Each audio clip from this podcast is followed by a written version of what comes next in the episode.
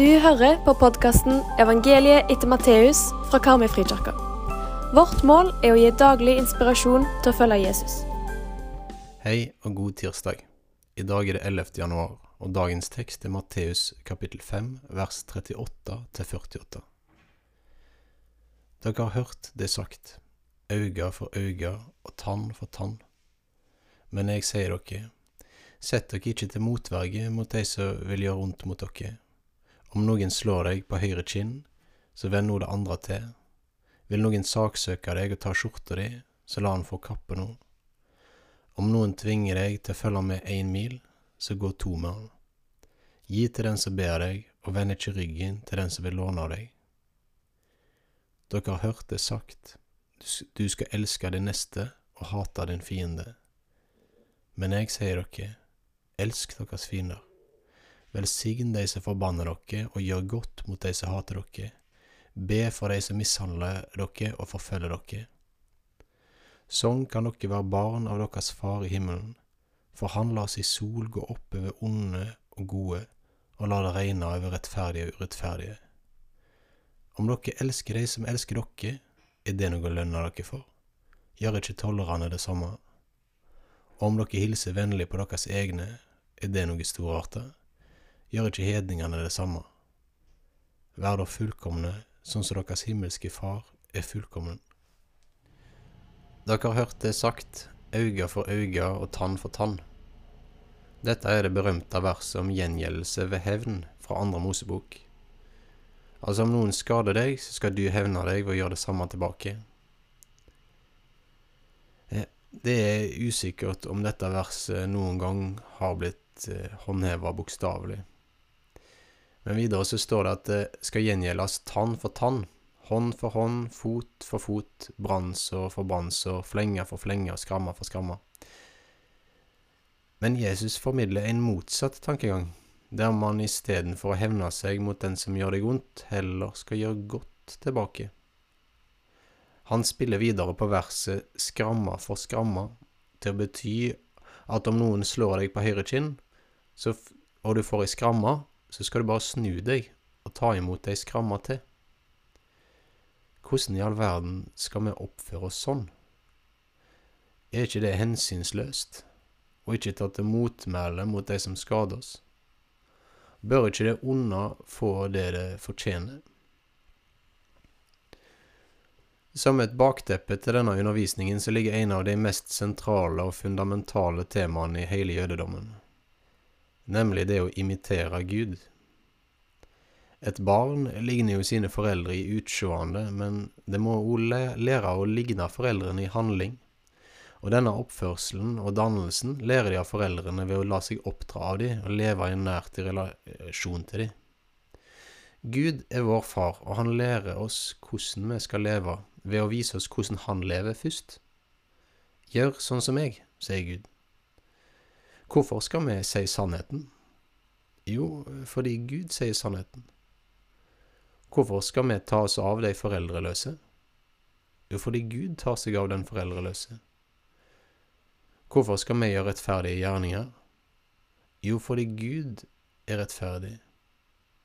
Gud gjør ikke forskjell på folk, han er heil i sin ferd. Gud går rett fram, han viser godhet til alle, sjøl til syndere og ugudelige.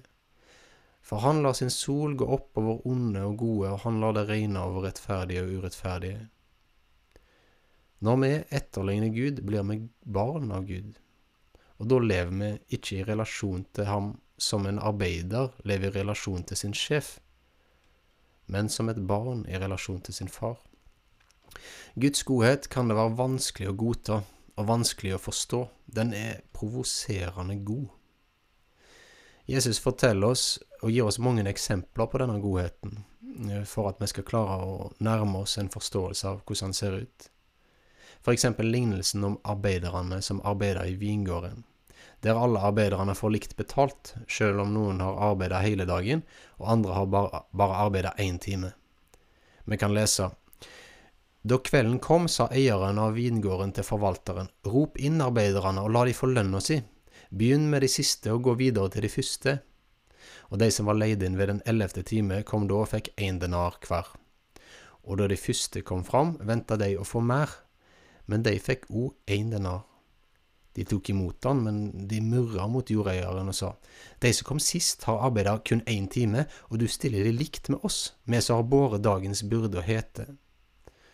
Han vendte seg til en av de og sa, Venn, jeg gjør deg ikke urett. Ble ikke du enige med meg om én denar?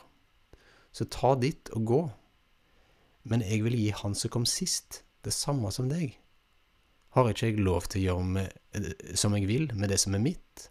Eller ser du med onde øyne på at jeg er god? Sånn skal de siste bli de første, og de første de siste. Det er altså vanskelig for oss å forstå at Gud gir oss det vi trenger etter behov, og ikke etter fortjeneste. Samme problematikk leser vi om i lignelsen om de to bortkomne sønnene, der begge sønnene sliter med at de ikke kjenner faren sin. De ser på han som en arbeidsgiver, og ikke som en far. Faren i lignelsen viser hjelpeløst sin kjærlighet til sønnene. Sjøl om de ønsker han død, så rekker han på ny ut sine hender gang på gang og viser sin kjærlighet. Uavhengig om de viser kjærlighet tilbake. Om dere elsker de som elsker dere, er det noe å lønne dere for, sier Jesus. Gjør ikke tollerne det samme? Tollerne gjorde jo dette for å få lønn.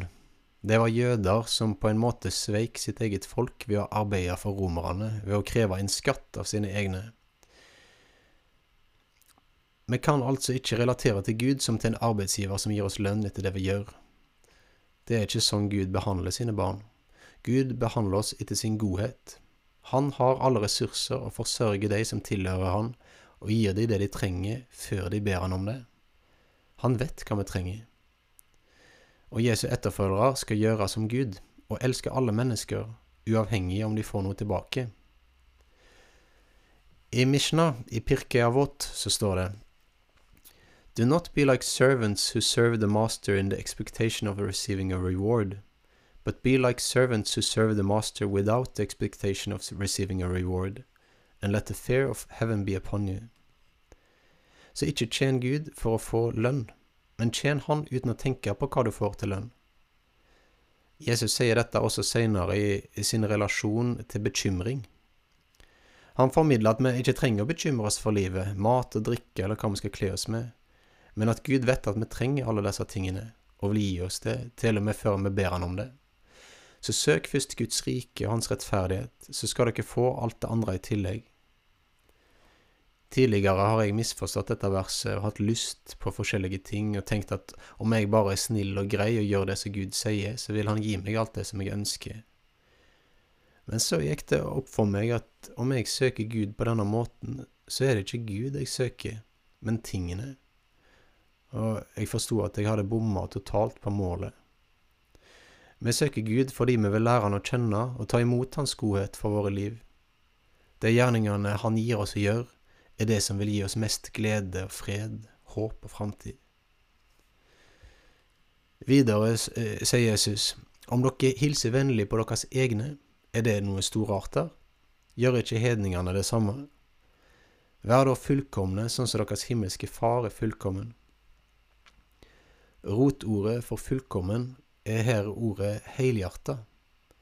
Så perfeksjon i bibelsk forstand, det er altså ikke å gjøre noen feil, altså leve feilfritt, men det å leve helhjerta i møte med livet. Hvor lett er det vel ikke å vise godhet mot min egen gjeng, de som gir meg sin kjærlighet tilbake? Men hva med de som ikke er av min kultur, de som snakker andre språk, de, eller de som har andre politiske meninger, de som jeg ikke tåler synet av? Jo, Jesus sier at vi òg må elske dem. Når en jøde tar opp spørsmålet Hvem er min neste? svarer Jesus med lignelsen om den barmhjertige samaritan. Jødene hata samaritanerne til det punktet at de så på de som mindreverdige og kunne ta livet av dem. Så Jesu hovedpoeng med lignelsen er ikke at jøden, som, eh, at jøden skal gjøre barmhjertige gjerninger, selv om det er flott, men nettopp å anerkjenne det at samaritaneren i lignelsen er hans neste. De som ikke tåler syn av, de vil Jesus at vi skal gjøre godhet mot. Jesus sin idé om å overvinne det onde med det gode har satt seg i historien. Jeg husker at da jeg studerte sivil ulydighet på Universitetet i Bergen, så leste jeg biografien om Gandhi. Gandhi hadde blitt særlig inspirert av to bøker. En av John Ruskin, eh, der han skriver om politiske essays ut ifra lignelsen om arbeideren i, arbeideren i vingården. Og det er en sånn argumentering for at sosial rettferdighet eh, skal, skal gis etter behov, og ikke etter fortjeneste. Og den andre boka var av Tolstoy, og den heter noe sånn som The Kingdom of God is within you. Christianity not as a mystic religion, but as a totally new theory of life. I denne eh, boka så forklarer han at han leste bergpreken om og om om igjen, helt til Tolstoy fikk en åpenbaring. Og han fikk åpenbaring av verset Sett dere ikke til motverge mot den som vil gjøre ondt mot dere. Eller Do not resist evil på engelsk. Tolstoy eh, forandra livet sitt eh, eh, ved å leve som pasifist med dette her. Og han begynte å skrive brev med Gandhi. Og Gandhi videreutvikla ikke-voldskonseptet til å danne en bevegelse av mennesker i India som nekta å følge britisk lovgivning, og som heller ikke gjorde voldelig motstand, men lot seg slå ned og bli mishandla av autoritetene. Når dette så ble sitt i nyhetsbildet, så ble Storbritannia sin kolonisering satt i et veldig dårlig lys. Og til slutt så måtte de gi etter for presset fra resten av verden, og India ble frigitt og ble en selvstendig nasjon.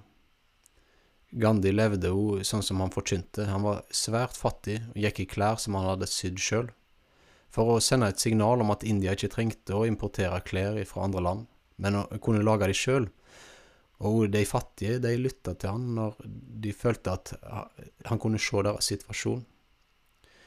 Jeg vil anbefale å se den Gandhi-filmen. Det er kanskje den beste filmen jeg har sett. Videre inspirerte dette Martin Luther King. Eh, han ble inspirert av det som hendte i India, og ikke-vold har hatt mye å si for borgerrettighetsbevegelsen i USA. Og alt dette kan altså ikke forklares utenom ideer som bygger på Jesu undervisning om å overvinne det onde med det gode så hvordan viser Jesus sin makt? Det er altså ikke ved å kjempe tilbake med sverd. Det er heller ved å gå ikke-voldens vei. Ved å si sannheten og gjøre sannheten, og sånn la livet tale for seg sjøl.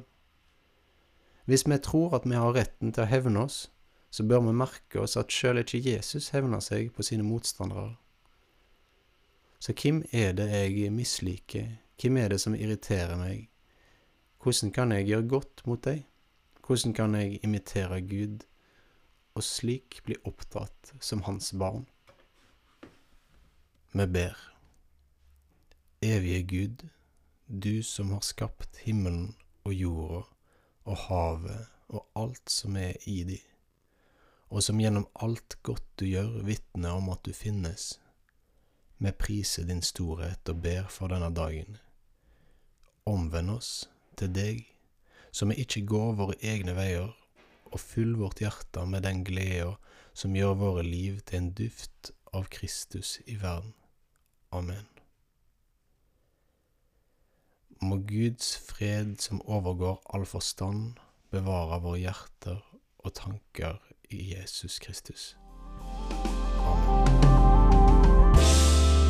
Vi håper du blir med videre for å lese hele evangeliet etter Matteus sammen med oss. Leseplanen finner du på våre nettsider.